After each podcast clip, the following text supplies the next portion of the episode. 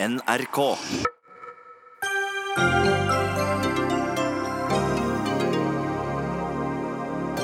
Norske Kristin på ett og et halvt år vokser opp på Filippinene uten sin norske far. Det er nemlig greit at familien splittes for at mor skal få seg en lekse, mener utlendingsmyndighetene. Politisk kaos i Sør-Afrika. ANC har bedt president Jacob Zuma om å gå av, men foreløpig holder han på makten. Det kan ha vært ulovlig av staten å gi oljeselskapene 106 milliarder kroner for å lete etter svart gull, men hvorfor skal ESA legge seg opp i det? Hva skal en fysikkstudent med Descartes? Er det på tide å tenke nytt om X-Fill etter 400 år, kanskje?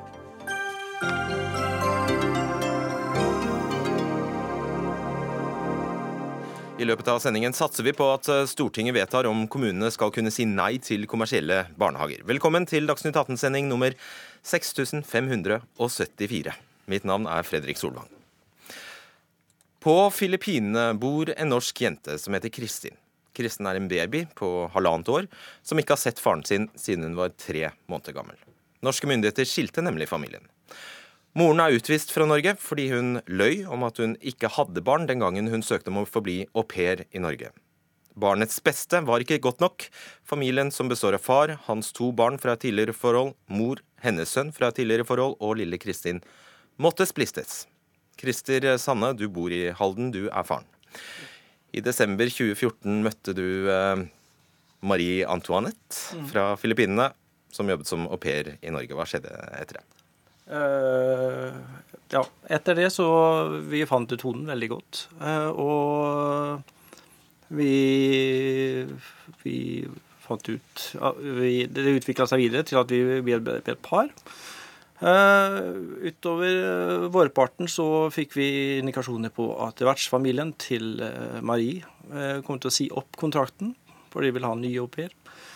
Uh, og da da fant ut at vi, vi Det var oss to. Og vi, vi, vi vil dele resten av livet sammen.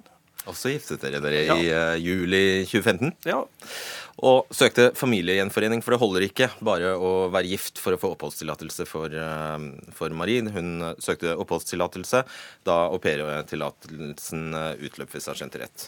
Så søkte dere også familiegjenforening for eh, Maries eh, sønn, som da bodde på Filippinene. Han blir snart sju år. Ja. Eh, Kom han, kom han til Norge? ja. Han, han kom eh, Han kom i april 2016. Ja, Og han begynte på skole? Ja, ja begynte på skolen. eh, eh, ja, vi begynte å lære språket. Han ble integrert med, med, med skole i skolestart. Han starta i august. Eh, og så Målet vårt var at vi fikk jo vite i oktober 2015 at vi venta barn.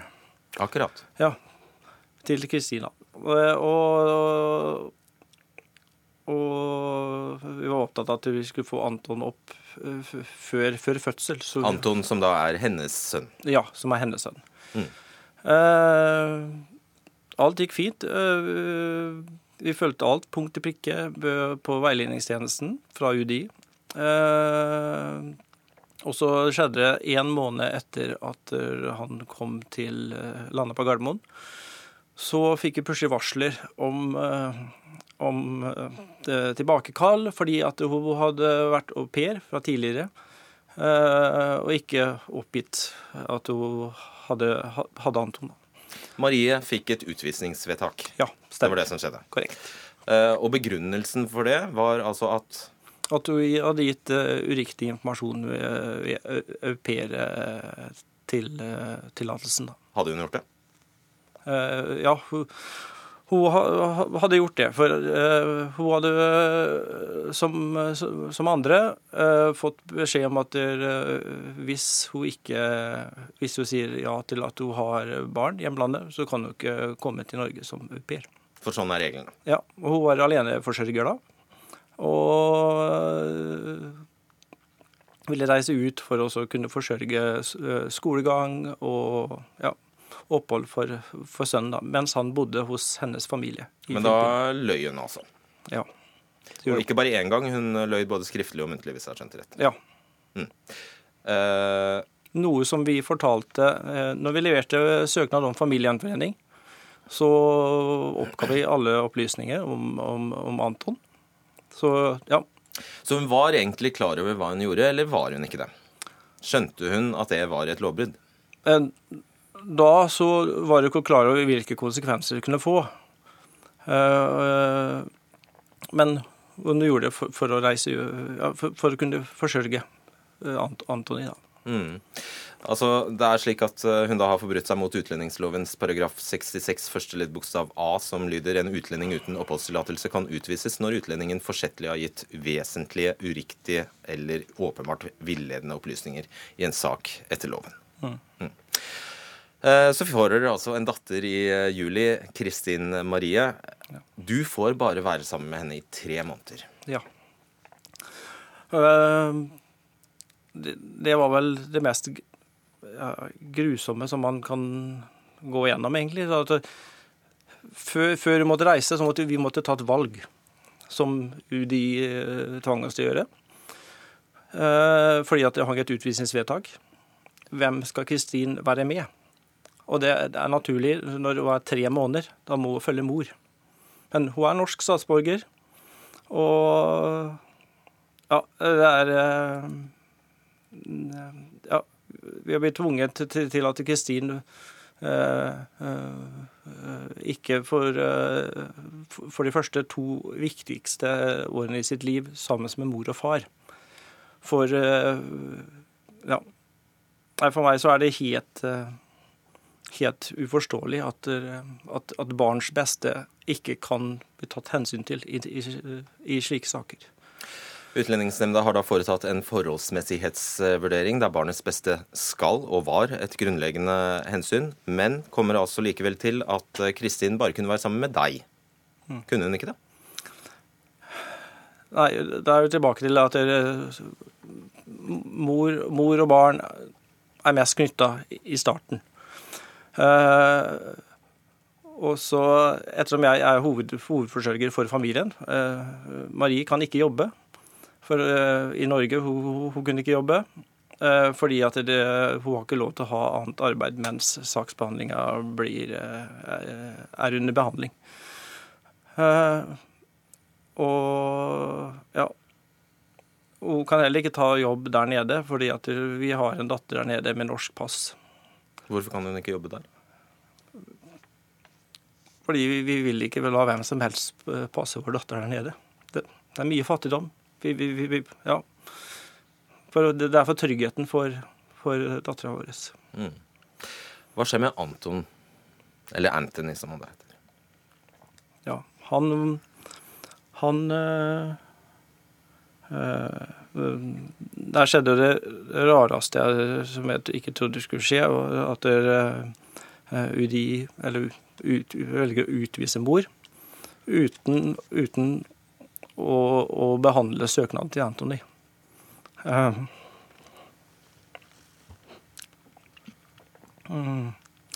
um, Anthony ser på meg som, som hans pappa. Um, han er godt integrert med både skole og har et veldig, veldig ja, har skapa et sterkt bånd med min, mine to andre barn, Mia og Erik. Mm,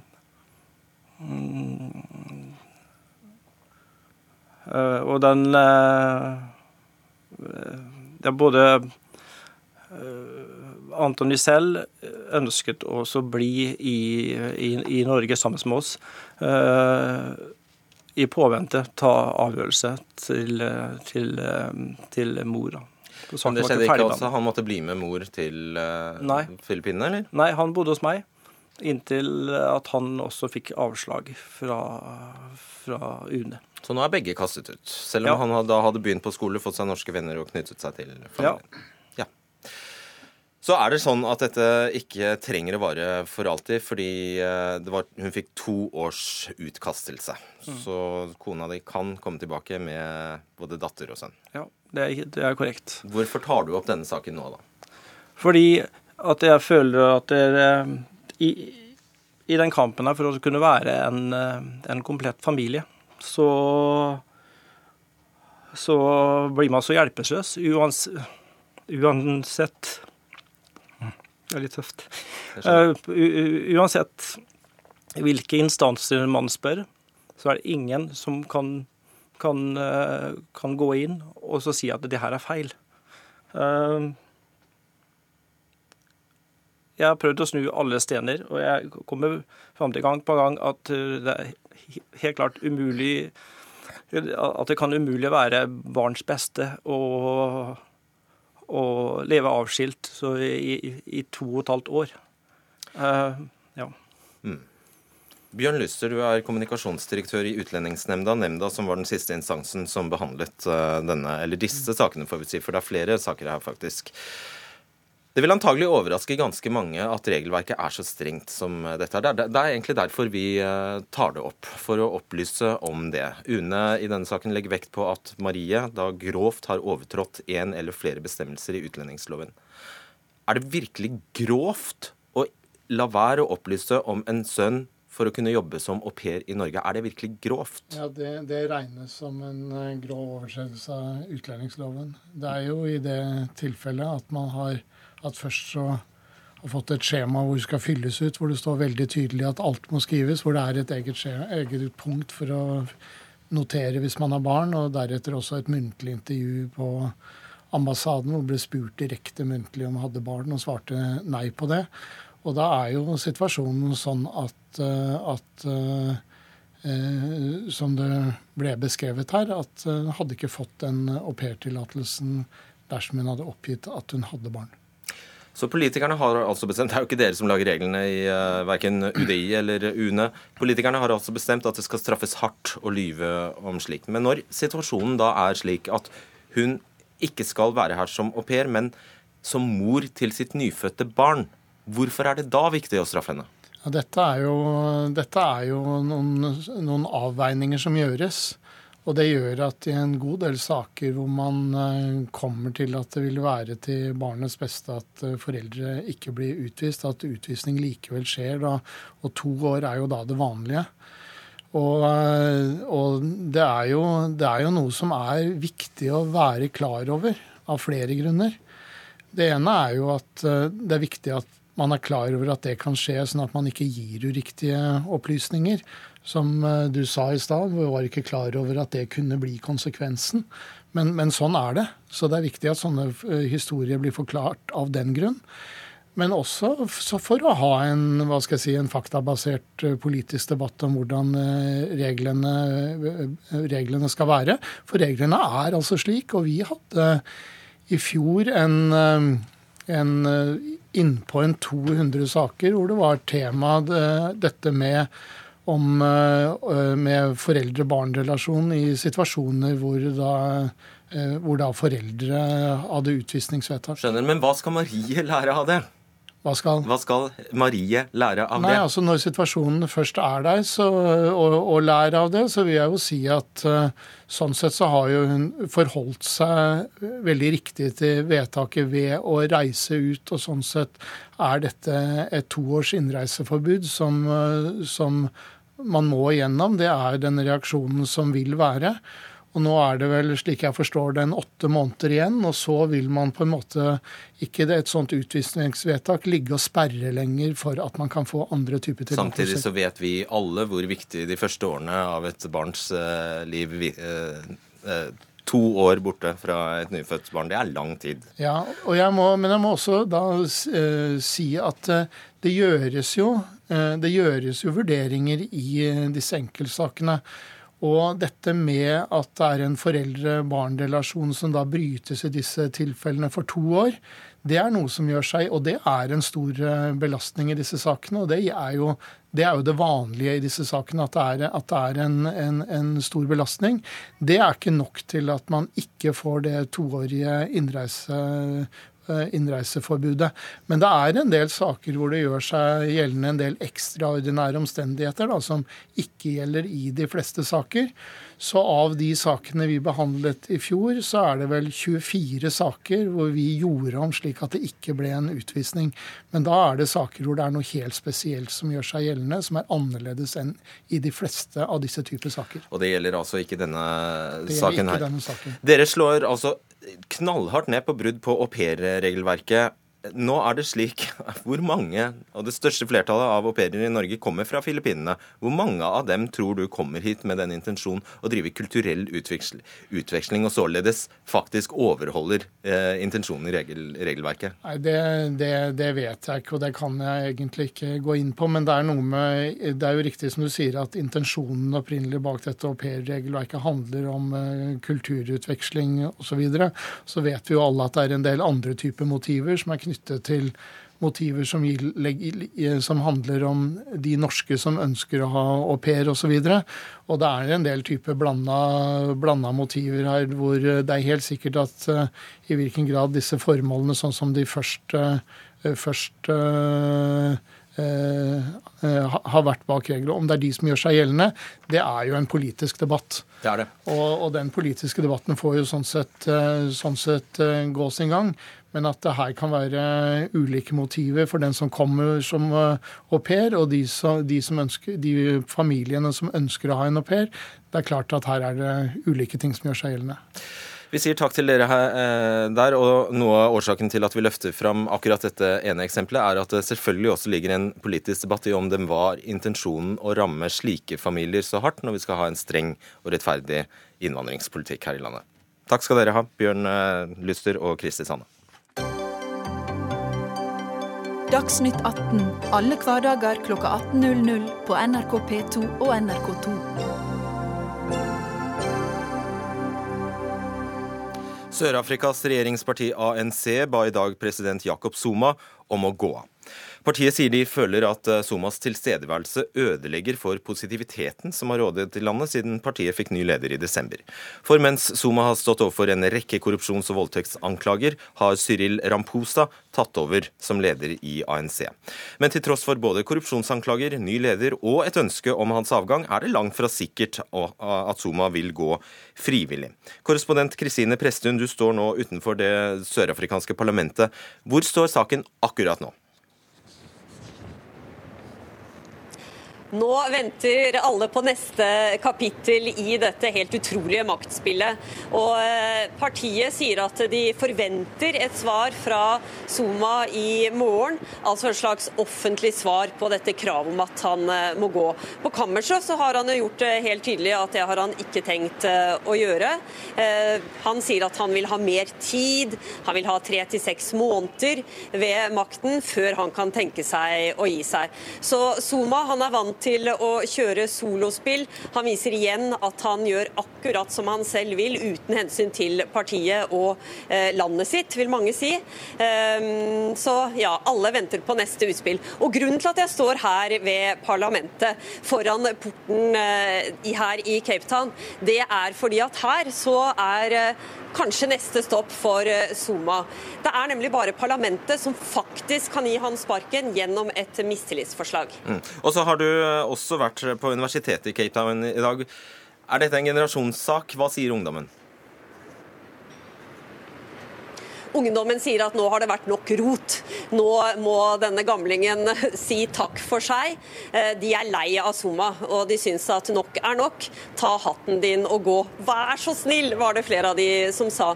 Og så uttrykte de et håp for fremtiden. Eh, de var positive til Ramaphosa, håper at han kan gi landet et nytt giv.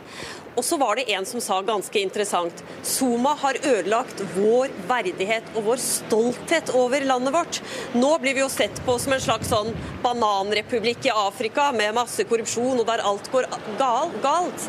Mens dette er jo Sør-Afrika. Dette er jo det demokratiske fyrtårnet. Dette er jo forbildet i Afrika. Og vi må gjenreise nasjonen vår. Ja. Maren Sebø, du er journalist og historiker med Afrika som hovedfelt. Har jo også studert i Sør-Afrika, stemmer det? Ja. ja. Uh, eh, ANCs nye leder Cyril Ramposa eh, får jo en stor opprydningsjobb når uh, nå en gang Zuma trekker seg. Uh, syv år, sju år har han sittet ved makten nå. Hva er den viktigste oppgaven sånn umiddelbart etter skiftet? Det er vel to uh, oppgaver Ramaphosa må, må ta i gang med med en gang. Det ene er også å forene ANC. Uh, veldig splitta, både etter uh, landsmøtet som var i, i, desember, og også de siste månedenes trekninger etter det. det andre er selvfølgelig å, å, å, prøve å bygge opp igjen de institusjonene som Suma har brukt et par år på å bygge ned. spesielt da deres Økokrim og, og skattevesen og, og sånne ting. som som var satt der for å gå etter korrupsjonen, og som ble vingeklippet mer eller mindre. Så, så det er liksom de to første oppgavene. Mm. Uh, hvem er han? Denne Ram uh, du sier du Ramfosa? Jeg ble fortalt det var Jeg sier Ramaphosa. Okay, greit, Cyril Ramaphosa er en, en, fagforeningsbygger, rett og slett. Han har aldri vært gruvearbeider sjøl, men tok en, altså etter studier i, i juss så var han med å bygge opp uh, først Gruvearbeidernes forbund, som er veldig mektig uh, den dag i dag i Sør-Afrika, og, og, så COSATU, som var liksom den store uh, fagforeningen som var ANC-alliert. Jobben han gjorde med COSATU, gjorde at han var en del av forhandlingsutvalget når man forhandlet om slutten på apartheid, og han satt også i i kommisjonen som skrev Grunnloven, rett og slett. Så han er en ganske sånn uh, imponerende figur i, i Sør-Afrikas historie. Uten skitt på vingene? Jo, det har han jo. Uh, det uh, Etter å på en måte blitt satt til side for, for Thabo Mbeki under Mandelas første år, eller første tid, så, så gikk han jo inn i business og holdt på i business veldig lenge. Og mest alvorlig, da, uh, satt i styret til et gruveselskap. Uh, som havnet i en, arbeidskonflikt, rett og slett. Uh, som, som, endte i en massakre på, på, på streikene. Ja, huff da.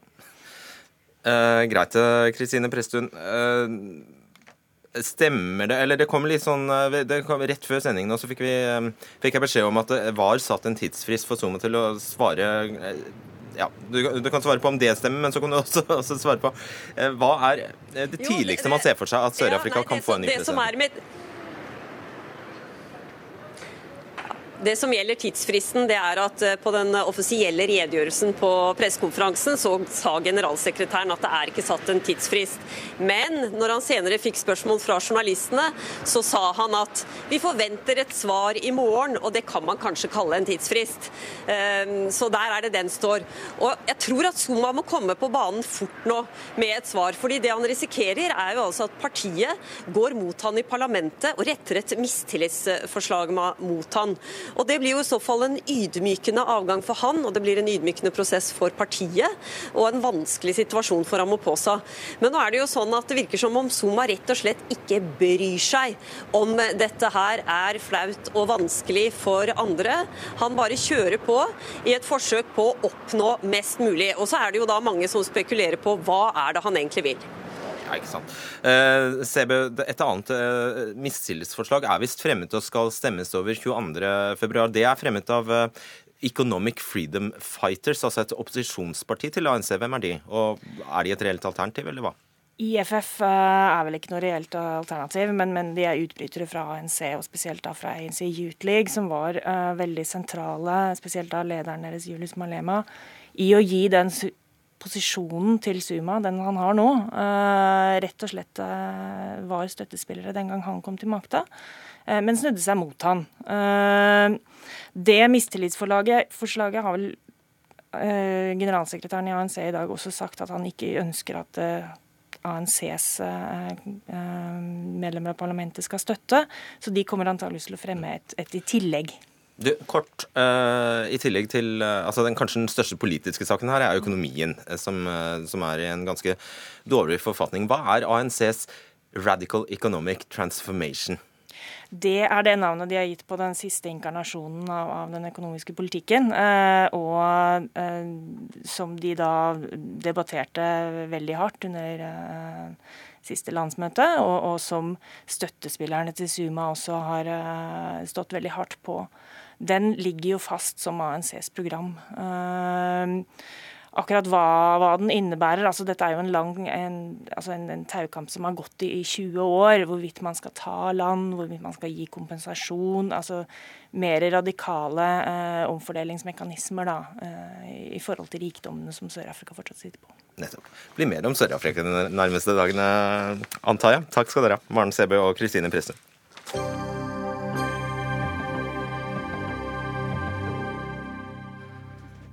Gled deg, nå skal det handle om leterefusjonsordningen.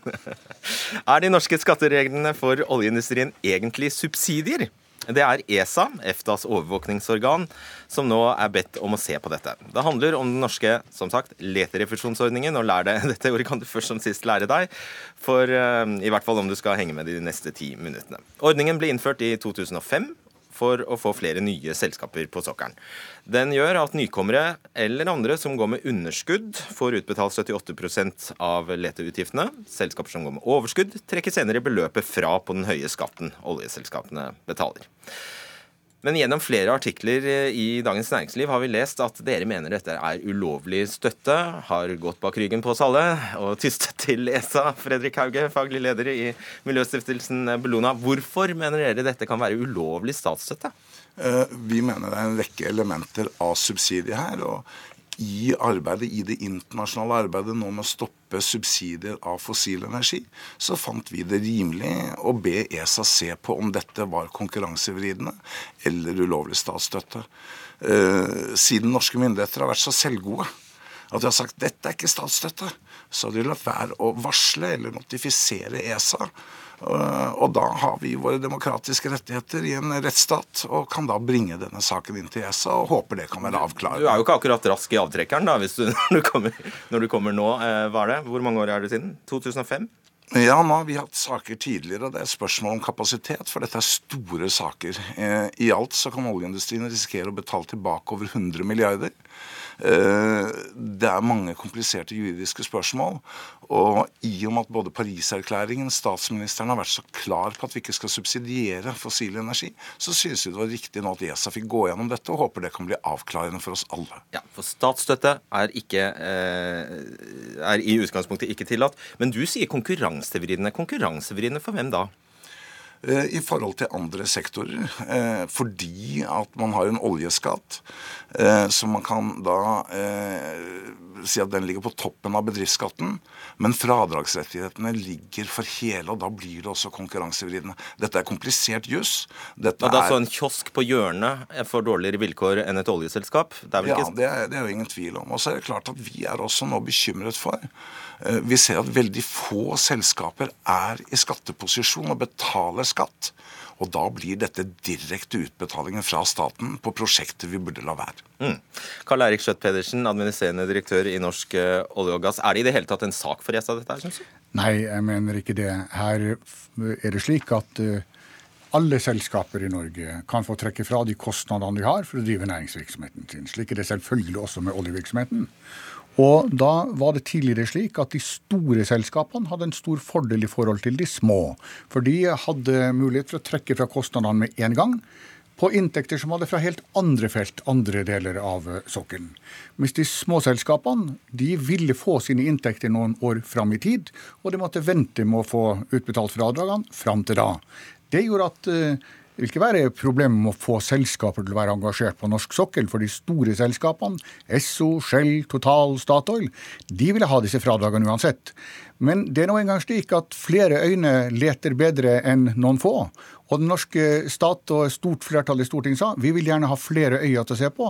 Kan vi finne olje der de store selskapene ikke tror det er? Forbilledlig eh, så langt, Absolutt. men hva med de små myggene som da ikke fant noen ting, og som hadde fått masse ja, vil, statsstøtte? Ja, for, for, det, for, det, første så er det slik at det, det øyeblikk da får en inntekt, så kunne de jo trekke det fra. Og den normale oljevirksomheten er heldigvis slik at man driver ikke med det uten at man føler seg veldig sikker på at man kommer til å få ikke bare en inntekt, men en stor inntekt i framtida. Og det har også vist seg at disse selskapene Og hvis de ikke fikk det? Ja, da kan de f.eks. så kunne de da selge selskap til et annet selskap som vil bruke akkurat det samme fradraget. Kort sagt, disse selskapene får akkurat de samme pengene som de ellers ville ha fått men de får dem noe tidligere. Men pga. at de ellers ville ha fått rente på disse pengene, så innebærer de ikke ei eneste krone i utlegg for det norske samfunnet. Ok, Svar kort på det. Mm, Av 71 selskaper på norsk sokkel i dag er 17 i skatteposisjon. Det sier noe om hva for spekulativ virksomhet som har utviklet seg. I skatteposisjon betyr altså at de går i pluss. Ja, og da er De andre får altså direkte utbetalt disse pengene. Du hoppet bukk over den biten. Jeg går ut fra at eh, Fredrik Hauge kanskje skulle være litt redelig å si at for tilnærmet alle selskapene norsk sokkel som har fått fradrag, de kommer i betydelig pluss over tid. De kommer til å ha store inntekter som de trekker disse kostnadene fra på. Og så er det i tillegg slik at hvis det i noen få enkelttilfeller skulle være slik at de ikke kommer til å få et pluss senere, så kan altså selskapet bli solgt videre til et annet selskap Ja, ja, det sa som bruker akkurat samme fradrag. Det- så dette ja. koster ikke samfunnet noe. Men derimot Ah, gjør, og gjør det ikke? Nei, Unnskyld. Nei, nei, Mener du det? At det ikke ja, ja, ja, ja, ja, ja, ja, ja. Altså, hvis du, hvis du driver en, en virksomhet og får uh, fradragene dine med en gang istedenfor å få dem i framtida, og det hadde vært rente på disse eh, pengene uansett, så, så hadde du selvfølgelig eh, Så hadde staten ikke tapt en eneste krone på det. Og hvis du da, etter at du var gått i sårene, ikke hadde en lønnsom virksomhet, mens du solgte hele selskapet ditt med skattefradragene til et annet selskap, så hadde de gjort bruk av disse fradragene istedenfor det. Så Ok, Du får forklare hvorfor du holder på å gå ut av ditt gode skinn. Man gjør jo ofte det, vet du, så det er helt normalt. Denne gangen. Nei, men, men, men når du sier at det er ingen som taper penger på dette, så er det altså som jeg sier, det er 17 av 71 selskaper i skatteposisjon. Det tar stort sett ti år å få tilbake pengene. Mm. når risikoen for å ikke finne økonomisk drivverdige funn øker, jo lenger nord vi går, så blir denne risikoen større. Det er, bet det er betalt ut store midler, 108 milliarder kroner, eh, som kan være feilaktig utbetalt. Du er av den oppfatning at dette er ikke statsstøtte. Hadde dere tatt i oljeindustrien og fått med dere regjeringen på å varsle ESA om dette, kunne det hende at dere hadde fått det godkjent. Men dere har vært så arrogante at dere ikke har gjort det, og da er det naturlig at vi klager. Nå må vi introdusere. Bjørnar Alterskjær her. Han er advokat, og du har jobbet eh, sju år i det omtalte ESA.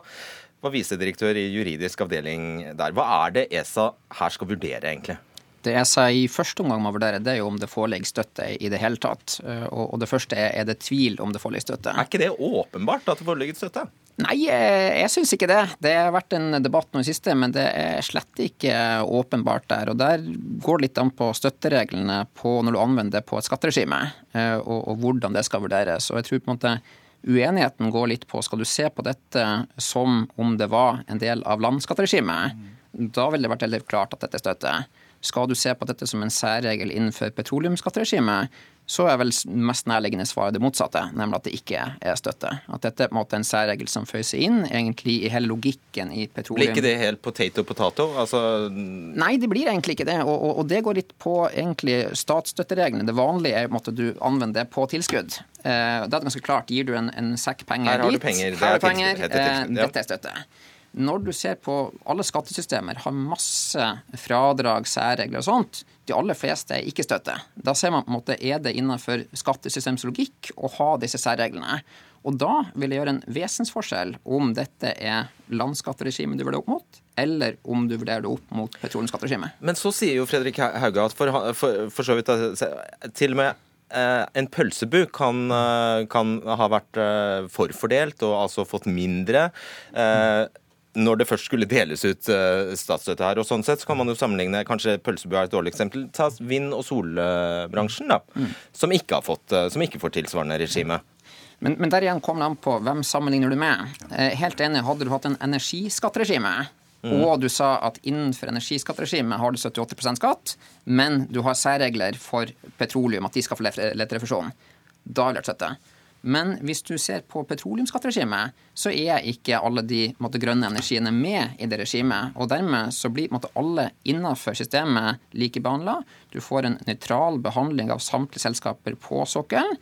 Du har måtte, enten opphørsrefusjon altså Disse pengene ville i systemet oljeselskapene fått uansett. Eh, De får rentefordel, de får opphørsrefusjon, de får, refusjon, eller får pengene hjem ved salg. Sånn at hvis man sier at dette er støtte, så er det ganske mange andre regler i norsk petroleumsskattesystem som også står for fall. Fagfolkene er veldig uenige her, merker vi oss. Eh, Hva tror du er sannsynlig ESA vil konkludere med? Eh, til syvende og sist så tror jeg, og her er måte mange syn som er tenkelige, så tror jeg at ESA kommer til at det ikke er eh, statsstøtte. Men i og med at dette er en helt unik sak, man har ingen andre skattesystemer med den type refusjon i forkant, så kan det at de må åpne en full granskning for å komme til resultatet. Det er ikke utenkelig. Mm. Men det som, okay. et, det som er et grunnleggende poeng her, i tillegg til det som her sies, og som jeg syns er veldig interessant det er jo at, ja, Men ikke sant, her snakker vi om at man betaler 78% skatt, der man i landsskatteregimet betaler 23% skatt. Altså 55% skatt, som er høyere enn det som gjelder for alle andre. Og Så må vi også ha med oss at dette har tjent det norske samfunnet ikke bare med titalls av milliarder, men av hundretalls av milliarder kroner. Pga. at vi har fått inn selskaper på norsk sokkel som vi ellers ikke ville ha fått, som har sett det på en helt annen måte enn de Hvordan er det relevant? Jo, Det som er relevant, er at ta f.eks. Johan Sverdrup-feltet som nå utvikles. Det kommer til å ha et overskudd på 9 millioner kroner per dag. Ja, det er fint, det, men hvordan er det relevant? Jo, for, for det, det, som er relevant, er at hadde man ikke hatt dette regimet, så hadde ikke selskaper som Lundin begynt å lete, og da man holdt seg til de modellene som de gamle selskapene hadde. Det at de leta, gjorde at vi fant noe vi ellers ikke ville ha funnet. Okay. Ja, Da hadde kanskje pengene blitt investert i en batterifabrikk istedenfor. Men, men det er ikke relevant. Det er ikke relevant. Men, kjære Fredrik, den har ikke eh, mange milliarder i overskudd. la Hauge svare. Hvis du har det på batterifabrikkene, så vis meg dem jeg skal investere i dem med en gang. Men, poenget er, for det første, den tvilen som her beskrives, den er nok til at norske myndigheter skulle ha notifisert dette, tatt dette opp med ESA, gjennomført en redegjørelse for dette. Dere har vært så arrogante, og du var også sentral i regjeringen den gangen man forberedte dette. Du bommet også på Snøhvit, den vant vi i forhold til deg. Så, Nei, så, så, jo da, så er det sånn at så lenge regjeringen ikke har varslet ESA om dette, med den tvilen om dette systemet som her beskrives, så er dette en sak.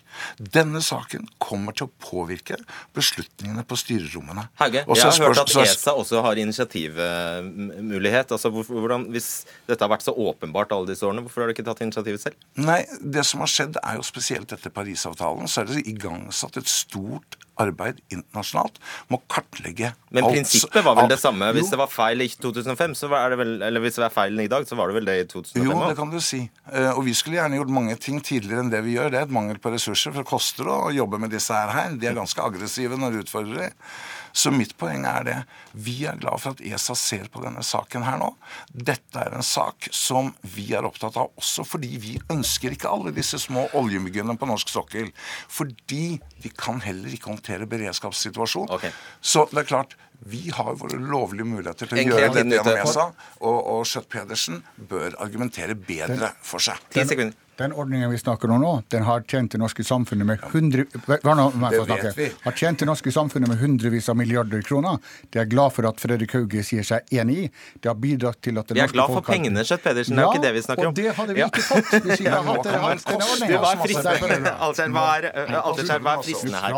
Hva er fristende? Normalt så skal ESA ta og vurdere om det skal åpne sak innen et år etter forklagen. Og det har jo begynt en stund siden, så jeg ville tro at før eh, sommeren, tidlig høst, eh, så må de måtte velge å åpne sak eller ikke. Blir spennende. Takk skal dere ha. Karl Eirik Skjøtt Pedersen, Fredrik Hauge og Bjørnar Alterskjær.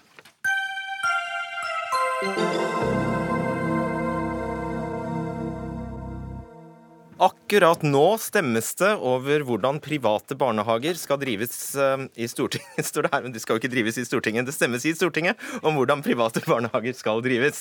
Bl.a. om de skal kunne ta ut profitt. Som kjent er det flere private barnehager som er finansiert av eh, staten, og foreldre som tar ut uh, utbytter uh, av ulikt uh, monn. De rød-grønne vil stoppe profitten i barnehagene, mens regjeringen vil ha bedre tilsyn i, til, med pengestrømmene. Mona Fagerås, du er stortingsrepresentant fra SV, medlem i utdannings- og forskningskomiteen. Jeg håper du er mer oppdatert enn meg på hva som har skjedd i Stortinget nå, akkurat nå? Ja, nei, vi har jo hatt eh, lange debatter nesten hele dagen eh, på eh, det her temaet. Og det har vært spennende. Ulidelig spennende. Ja, det er klart det. Og vi har jo ennå ikke fått voteringa på bordet, nei. så vi vet jo ikke helt resultatet. Men, men vi altså, kan jo det, gjøre noen antagelser. Man kan anta, ikke sant. Og det, det går, altså hvis jeg har skjønt det rett, mot i hvert fall flertall for eh, et forslag som lyder utrede lovendringer som kan, kan gi kommunene mulighet til å skille mellom ideelle og kommersielle private barnehager. Stemmer det? Ja. Ja, Og et annet, flertall, eh, et annet eh, forslag. Stortinget ber regjeringen vurdere hvordan det kan sikres at private barnehager har lønns-, arbeids- og pensjonsvilkår minst på linje med ansatte i offentlige barnehager. Stemmer det? Ja. Ok. Så de to er, virker ganske sikre. Ja, det er vi veldig, veldig glad for, og vi mener jo det her er et steg i riktig retning. Og det viser at det lønner seg å sette det her på dagsorden. For når akkurat det her samme forslaget var oppe i Stortinget i vår, så fikk vi jo ikke flertall for noen ting. Nei, fordi så... Arbeiderpartiet har jo snudd. Ja. det er det som har skjedd. Ja. Mathilde Tybring-Gjedde, du er stortingsrepresentant fra eh, Høyre. Eh, du er med oss fra eh, Stortinget. Det, støtter dere noen av de forslagene som er fremmet her? Nei, altså Det vi først og fremst ikke støtter, er jo at det skal bli et eh, utbytteforbud, som er det SV eh, foreslo. Eh, og så ønsker vi heller ikke å gjøre et skille mellom ideelle og kommersielle barnehager, fordi vi er mest opptatt av kvalitet, ikke eierform. Og så har debatten vært ganske spesielt, fordi at Arbeiderpartiet har gjort en helt tydelig venstredreining. Men de klarer fortsatt ikke å svare på om de vil tillate eh, at det fortsatt skal være fortjeneste i sektoren. Så er det, det spesielt vært, at et Arbeiderparti tar en liten sving til venstre? Ja, nei, altså Det kan man jo si, men det har vært rart at de har gjort det uten å klare å redegjøre for hva de egentlig vil. For, for Høyre sin del så har det vært eh, viktig å understreke at vi er i gang med en stor gjennomgang av pengestrømmene i barnehagesektoren. Men at for vår del så er det viktigste kvaliteten og barnehagetilbudet. Og eh, Det er jo det som vi har sett de siste ukene, nemlig at eh, foreldre er mest fornøyd med private barnehager. At private barnehager får likt tilskudd som de kommunale, men allikevel klarer å gi en god tjeneste. og. Det er det viktigste. Marit Knutsdatter Strand, du er stortingsrepresentant fra Senterpartiet. og Jeg har forstått det slik at det er faktisk dere som er tunga på vektskåla her og bestemmer om iallfall dette forslag tre og fire, som jeg nevnte, skal få flertall. Stemmer det? Ja, det stemmer. Så hva har dere bestemt dere for? Vi har bestemt oss for å sekundært da støtte forslag 3 og 4, som du leste. Vi er opptatt av at nettopp foreldrene, deres unger og de ansatte skal få mest mulig av pengene eh, til barna og deres barnehage. Vi skal, ikke, vi skal ha både offentlige og private barnehager, eh, men tilskuddene fra det offentlige må gå til ja, og For alle praktiske formål, når du sier sekundært, så betyr det egentlig bare at dere har stemt for? Ja, det stemmer. Vi støtter, vi støtter det. Ja, Stammespråk der. Stortingsstammespråk er det. Ja, Vi ønska jo i utgangspunktet vårt alternativ, men eh, når vi ikke får flertall for vårt alternativ, så støtter vi da selvsagt noen av de andre som nærmer seg vårt alternativ. Nettopp. Ok, da går vi inn i eh, Jeg tror vi begynner med forslag nummer tre, som da altså er snakk om å skille ideelle og kommersielle private eh, barnehager. Eh, og da er det altså snakk egentlig om at kommuner skal kunne si nei til kommersielle barnehager. Eh, Mona Fagerås, hva er det aller, aller viktigste for å skape gode barnehager? Er det om det er et AS, eller er det om det er fornøyde barn og foreldre? Det er selvsagt at det er fornøyde barn og foreldre. Og så er det jo også en del andre ting som sier noe om hva som er god kvalitet i barnehager. Jeg tenker jo Bemanning er et viktig stikkord. Jeg tenker jo at eh, gode uteareal og gode leke- og, eh, og eh, læringsmuligheter er en viktig stikkord. I tillegg til det som kommer på lønns- og arbeidsforhold for de ansatte, sånn at ungene våre får stabile, gode, eh, utdanna folk eh, i lag med seg. Ok, eh, En ideell eh, aktør. altså det, Nå er det vel ikke nødvendigvis helt klart hva en ideell aktør er heller, men la oss si en eh, menighetsbarnehage. da. La oss si at Visjon Norge og Jan Hanvold, som vi kjenner, bestemmer seg for å starte barnehage, Mona Fagerås.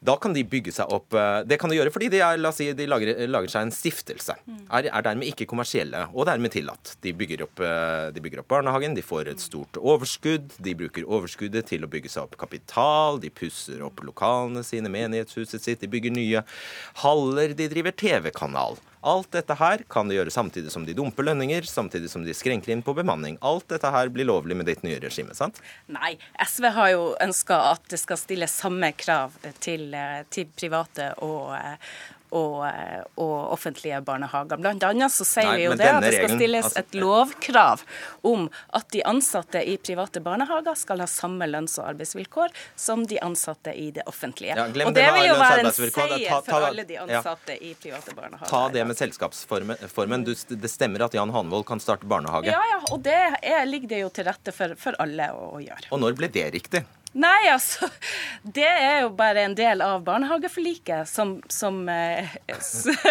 som kom i 2003. Ja, okay. Så det er jo eh, sånn det ble den gangen. Ja, Men nå er det jo sånn at vi ser uh, på tross av at SV var med i barnehageforliket og en av forkjemperne for barnehageforliket, så ser vi jo det at nå har noen utnytta systemet. Vi ser at det tas ut store styrehonorar. Vi ser at det flyttes selskaper til skatteparadis, og vi ser at man kan kjøpe og selge barnehager med ikke bare millioner i gevinst, men 100 millioner i gevinst, som går rett i private aktørers lomme. Ja, drevet effektivt, da, kanskje. Ja, og fordi at de driver og kjøper opp eh, ja. små ideelle barnehager. Og det er jo det vi vil til. Vi må bare avklare dette med skillet mellom uh, ideelle og kommersielle, ideelle og kommersielle Marit Knutsdatter Strand. Står det helt klart for deg hva det er? Altså, Vi eh, er enige at vi må innhente mer informasjon på dette. her. Eh, og Senterpartiets linje er at eh, vi skal vokte oss for å bruke billigpoeng om profitt fra fellesskapets ressurser, for det er det jo ingen som er for. Men, og Vi ønsker å legge oss på den linja der vi har for skoler, der offentlige tilskudd ikke skal kunne bli tatt ut i utbytte, uavhengig av hvordan du driver. Så du vedtar det først, og så skal du finne ut hva det betyr? Altså, Vi må kunne gi kommunene mulighet til å skille. Eh, og eh, Da må det være opp til regjeringa å se på hvordan vi praktisk skal kunne løse det.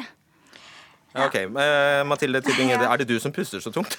ja, det blir nesten sånn etter hvert her. Jeg mener jo at det viktigste skillet er jo mellom de barnehagene som er gode og de som er dårlige. Og så er spørsmålet hvordan vi skal heve kvaliteten på de barnehagene som sliter. Det er det viktigste skillet, ikke eierform. Og så er det jo litt spesielt, fordi at i private barnehagene så har 95% av de ansatte vanlige tariffavtaler. Eh, vi stiller de akkurat de samme kvalitetskravene. Eh, Fagerås nevnte nå bemanning. Vi vi skal jo nå innføre en bemanningsnorm som også vil gjelde for de private barnehagene. Mitt hovedpoeng er at jeg ønsker en mangfoldig barnehagesektor med god kvalitet. Og da handler jo det om å regulere og kontrollere barnehagesektoren også kontrollere at det ikke blir tatt ut ulovlig profitt, for det er begrensninger i loven i dag. Mens jeg ser at da okay. SV og Rødt og Arbeiderpartiet og Senterpartiet er åpenbart litt mer opptatt av å bekjempe en spesiell eierform. Jeg skal bare opplyse seere og lyttere om at vi straks blir tatt av eh, NRK2 til fordel for uh, Hva var det for noe? Sjakk i dag, ja. Akkurat. Uh, Fortsett å se på nrk.no for de som måtte være interessert i det.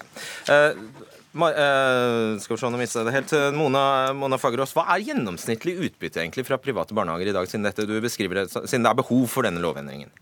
Nei, jeg har ikke gått inn i og sett på, på tallene. Jeg bare mener at De må barne... du kunne hvis du Nei, sier det er grove utbytter ute og går. Ikke. Men det jeg kan si, det er jo det at det som bør ligge til grunn, er barnehageloven. 0,4% Ja, men barnehageloven, den må ligge til grunn, og den sier at det ikke skal eh, Eller at offentlige tilskudd og de pengene foreldrene betaler inn til barnehagene, det skal gå til nettopp det. Til ungene våre, til kvalitet i barnehagene. Så sier jo Mathilde Tybring-Gjedde her at hun er for et mangfold av barnehagene. Men hva som har skjedd de siste årene, det er jo nemlig at de fire største barnehageeierne har kjøpt opp nær halvparten av de private barnehagene. Mm. Så det viser jo at det er mye penger i sektoren. Og det er jo en grunn til at de her store kapitalistene kjøper opp barnehager. Det er fordi det ligger penger i det. Selvfølgelig er det det, Tybringe-Gjedde. Svar kjempekort på det. Ja, for det første så er, viser dette hvor anekdotisk eh, denne debatten om private barnehager er. I barnehageloven så står det at du kunne ta ut rimelig årsresultat.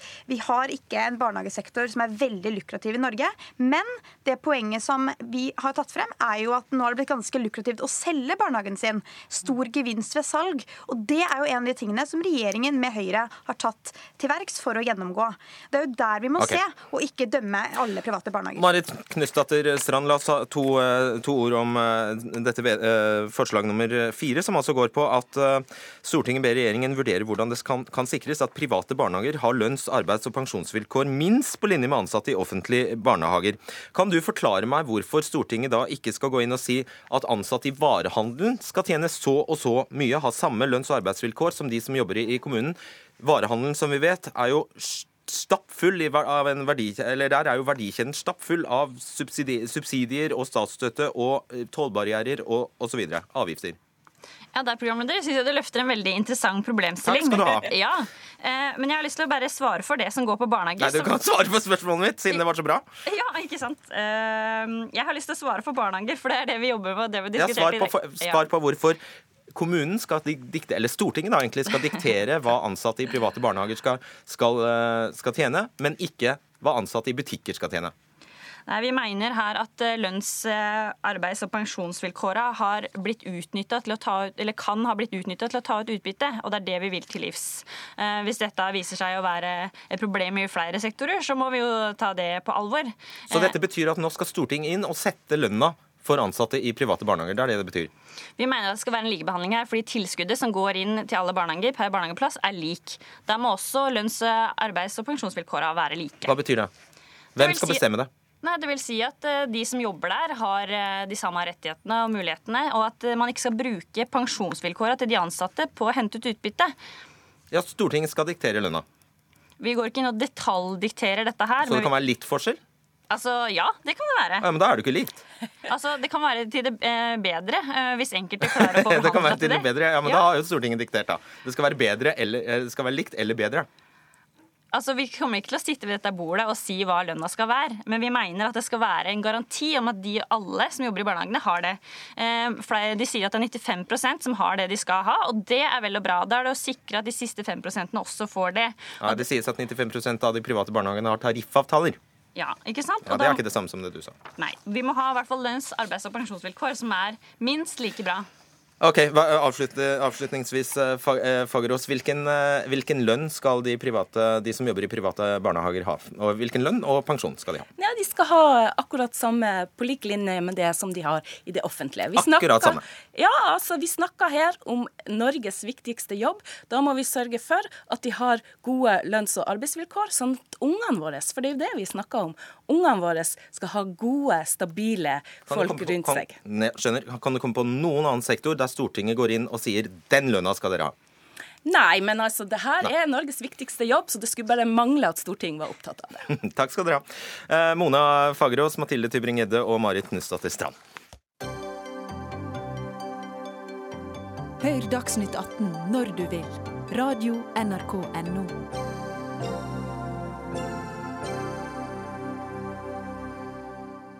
Eksamen filosofikum har vært en obligatorisk del av studieløpet ved norske universiteter i over 300 år. Nå vil Akershus Høyre avskaffe X-FIL og X-FAC som obligatoriske kurs for bachelorstudenter ved norske universiteter. Og du, Mathias Oppdal Weseth, leder i Bærum Unge Høyre, mener X-FIL er irrelevant og demotiverende og har utspilt sin rolle ved norske universitetsutdannelser. What? Jo, altså Jeg synes at filosofi og etikk er et utrolig viktig tema. Eh, og det blir kanskje bare enda viktigere i den verden vi lever i i dag, med ting som Trump, eh, høyreekstremisme og alternative fakta. Og da syns jeg det er på tide at vi kan ta dette faget såpass på alvor at vi eh, stiller oss spørsmålet om kanskje ikke alle bør lære det, slik at det flyttes inn tidligere i utdanningsløpet.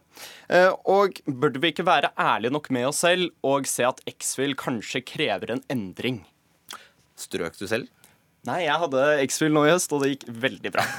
ok, greit. Reidar, eh, kontrollspørsmål der. Reidar Malik, du er førsteamanuensis i filosofi ved Universitetet i Oslo. Altså et 300 år gammelt eh, fag på tide med en revisjon i alle tilfeller.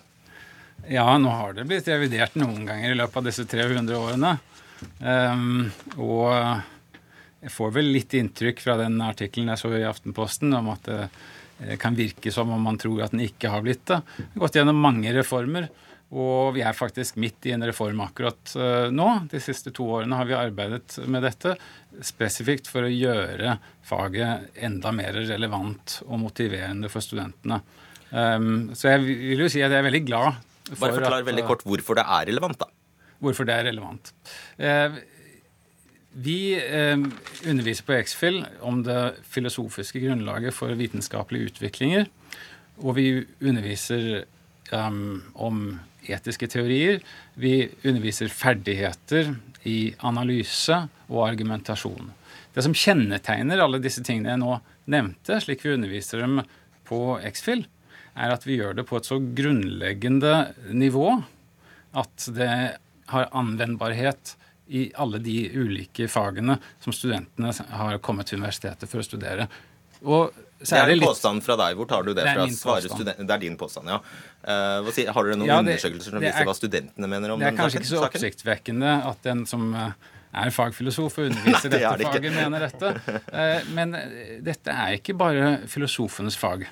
X-FIL ligger rett under rektor og utvikles på nivå med alle fakultetene gjennom utdanningskomiteen, hvor det er full representasjon fra alle fakultetene, og ikke minst fra studentparlamentet. Og vi har, må jeg få lov til å legge til, har arbeidet mye med studentparlamentet, og vi setter veldig pris på at de ønsker å bringe videre det de syns er kvalitetene ved X-FIL. Prøv å være litt konkret på hvordan du ser for deg at X-FIL eh, kan endres og bør endres. Altså Hvis tenker... ikke avvikles helt, da. Ja. Eh, nei, altså det jeg tenker er at Man bør opprette et fagspesifikt kurs. Eh, for tross alt, de studentene som starter på universitetet, de ønsker jo å spesialisere seg innenfor noe. Og Når de da møter på X-FIL, som er et så bredt pensum og umotiverende pensum, så eh, jobber de ikke godt nok med det. Og Da syns jeg man heller skal ha et mer fagspesifikt eh, kurs, hvor man ikke minst lærer mye om kildekritikk, som har blitt mye viktigere de siste årene. I tillegg til at man også eh, faktisk får eh, lære noe om de etiske aspektene ved det man faktisk skal studere, og det man skal jobbe med i fremtiden. Så jeg er helt enig i at filosofi og etikk er et kjempegrunnleggende fag. Og derfor synes jeg at det bør legges opp til å ha det på grunnskole og videregående nivå. Eh, slik at alle, altså de som skal studere på høyskoler og ved universiteter i utlandet, også får det, denne kompetansen. Nettopp. Tror du Malik, Malix, at strykprosenten kan reflektere noe av hvor, hvor inspirerende studentene syns X-Fill og X-FAC er? Nå sitter ikke jeg på disse tallene direkte, men jeg tror, tror du ikke det kan være en sammenheng? Jeg jeg, tror ikke vår strykprosent er så veldig dårlig. Um, vi, Nei, men jeg spør deg om du tror det kan være en sammenheng mellom strykprosenten og hvor inspirerende elevene, uh, studentene syns faget er? Ja, Som en generell påstand er det nok gjerne slik. Ja. Men nå vil jeg si, nå ble jo spørsmålet om hvor motiverende dette er. Ja, ja. og jeg må jo si at at vi syns dette er et relevant fag, er riktig. Men det er ikke alltid vi kan få det fram, og vi gjør det kanskje ikke alltid på riktig måte, som motiverer studentene. Men vi arbeider med det, og vi har nå i høst forbedret, mener jeg, våre eh, seminarer for å gjøre det mer relevante. Og vi har også lagt til en del andre ting. Eh, vi har, um, vi har, utviklet noe vi kaller X-FIL-forelesningen, som er en stor offentlig forelesning hvor vi inviterer en berømt filosof og dette holdt vi i høst på Chateau Neuf. Et rommer 1000 mennesker. Billettene ble revet vekk meget raskt. og vi inviterte Peter Singer, som kom og satte sitt preg på norsk medievirkelighet en god stund. Og vi mener at den type okay. ting kan stimulere og motivere også. Hvor mange stryker? Eh, Altså Strykprosenten på X-Fill ved Universitetet i Oslo eh, den vaker rundt mellom 10 og 15% Det er dobbelt så høyt som gjennomsnittet for alle fagene ved Universitetet i Oslo. Og Ser man på selvstudiumvarianten, så stryker 32% av studentene. Og Jeg tror det viser ganske klart at X-Fill, filosofi og etikk ikke er tilpasset å ha i en forelesningssal med 400 umotiverte elever. Da kan man heller ha det tidligere i et klasserom med en engasjert lærer og eh, rom for diskusjon. Sånn burde filosofi og, Excel, eh, filosofi og etikk bli lært.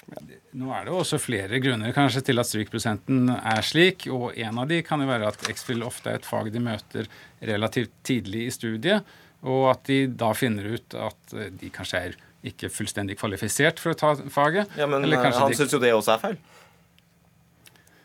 At, um... Ja, Det er jo nettopp det som kanskje er noe av poenget her, at det er det første de møter.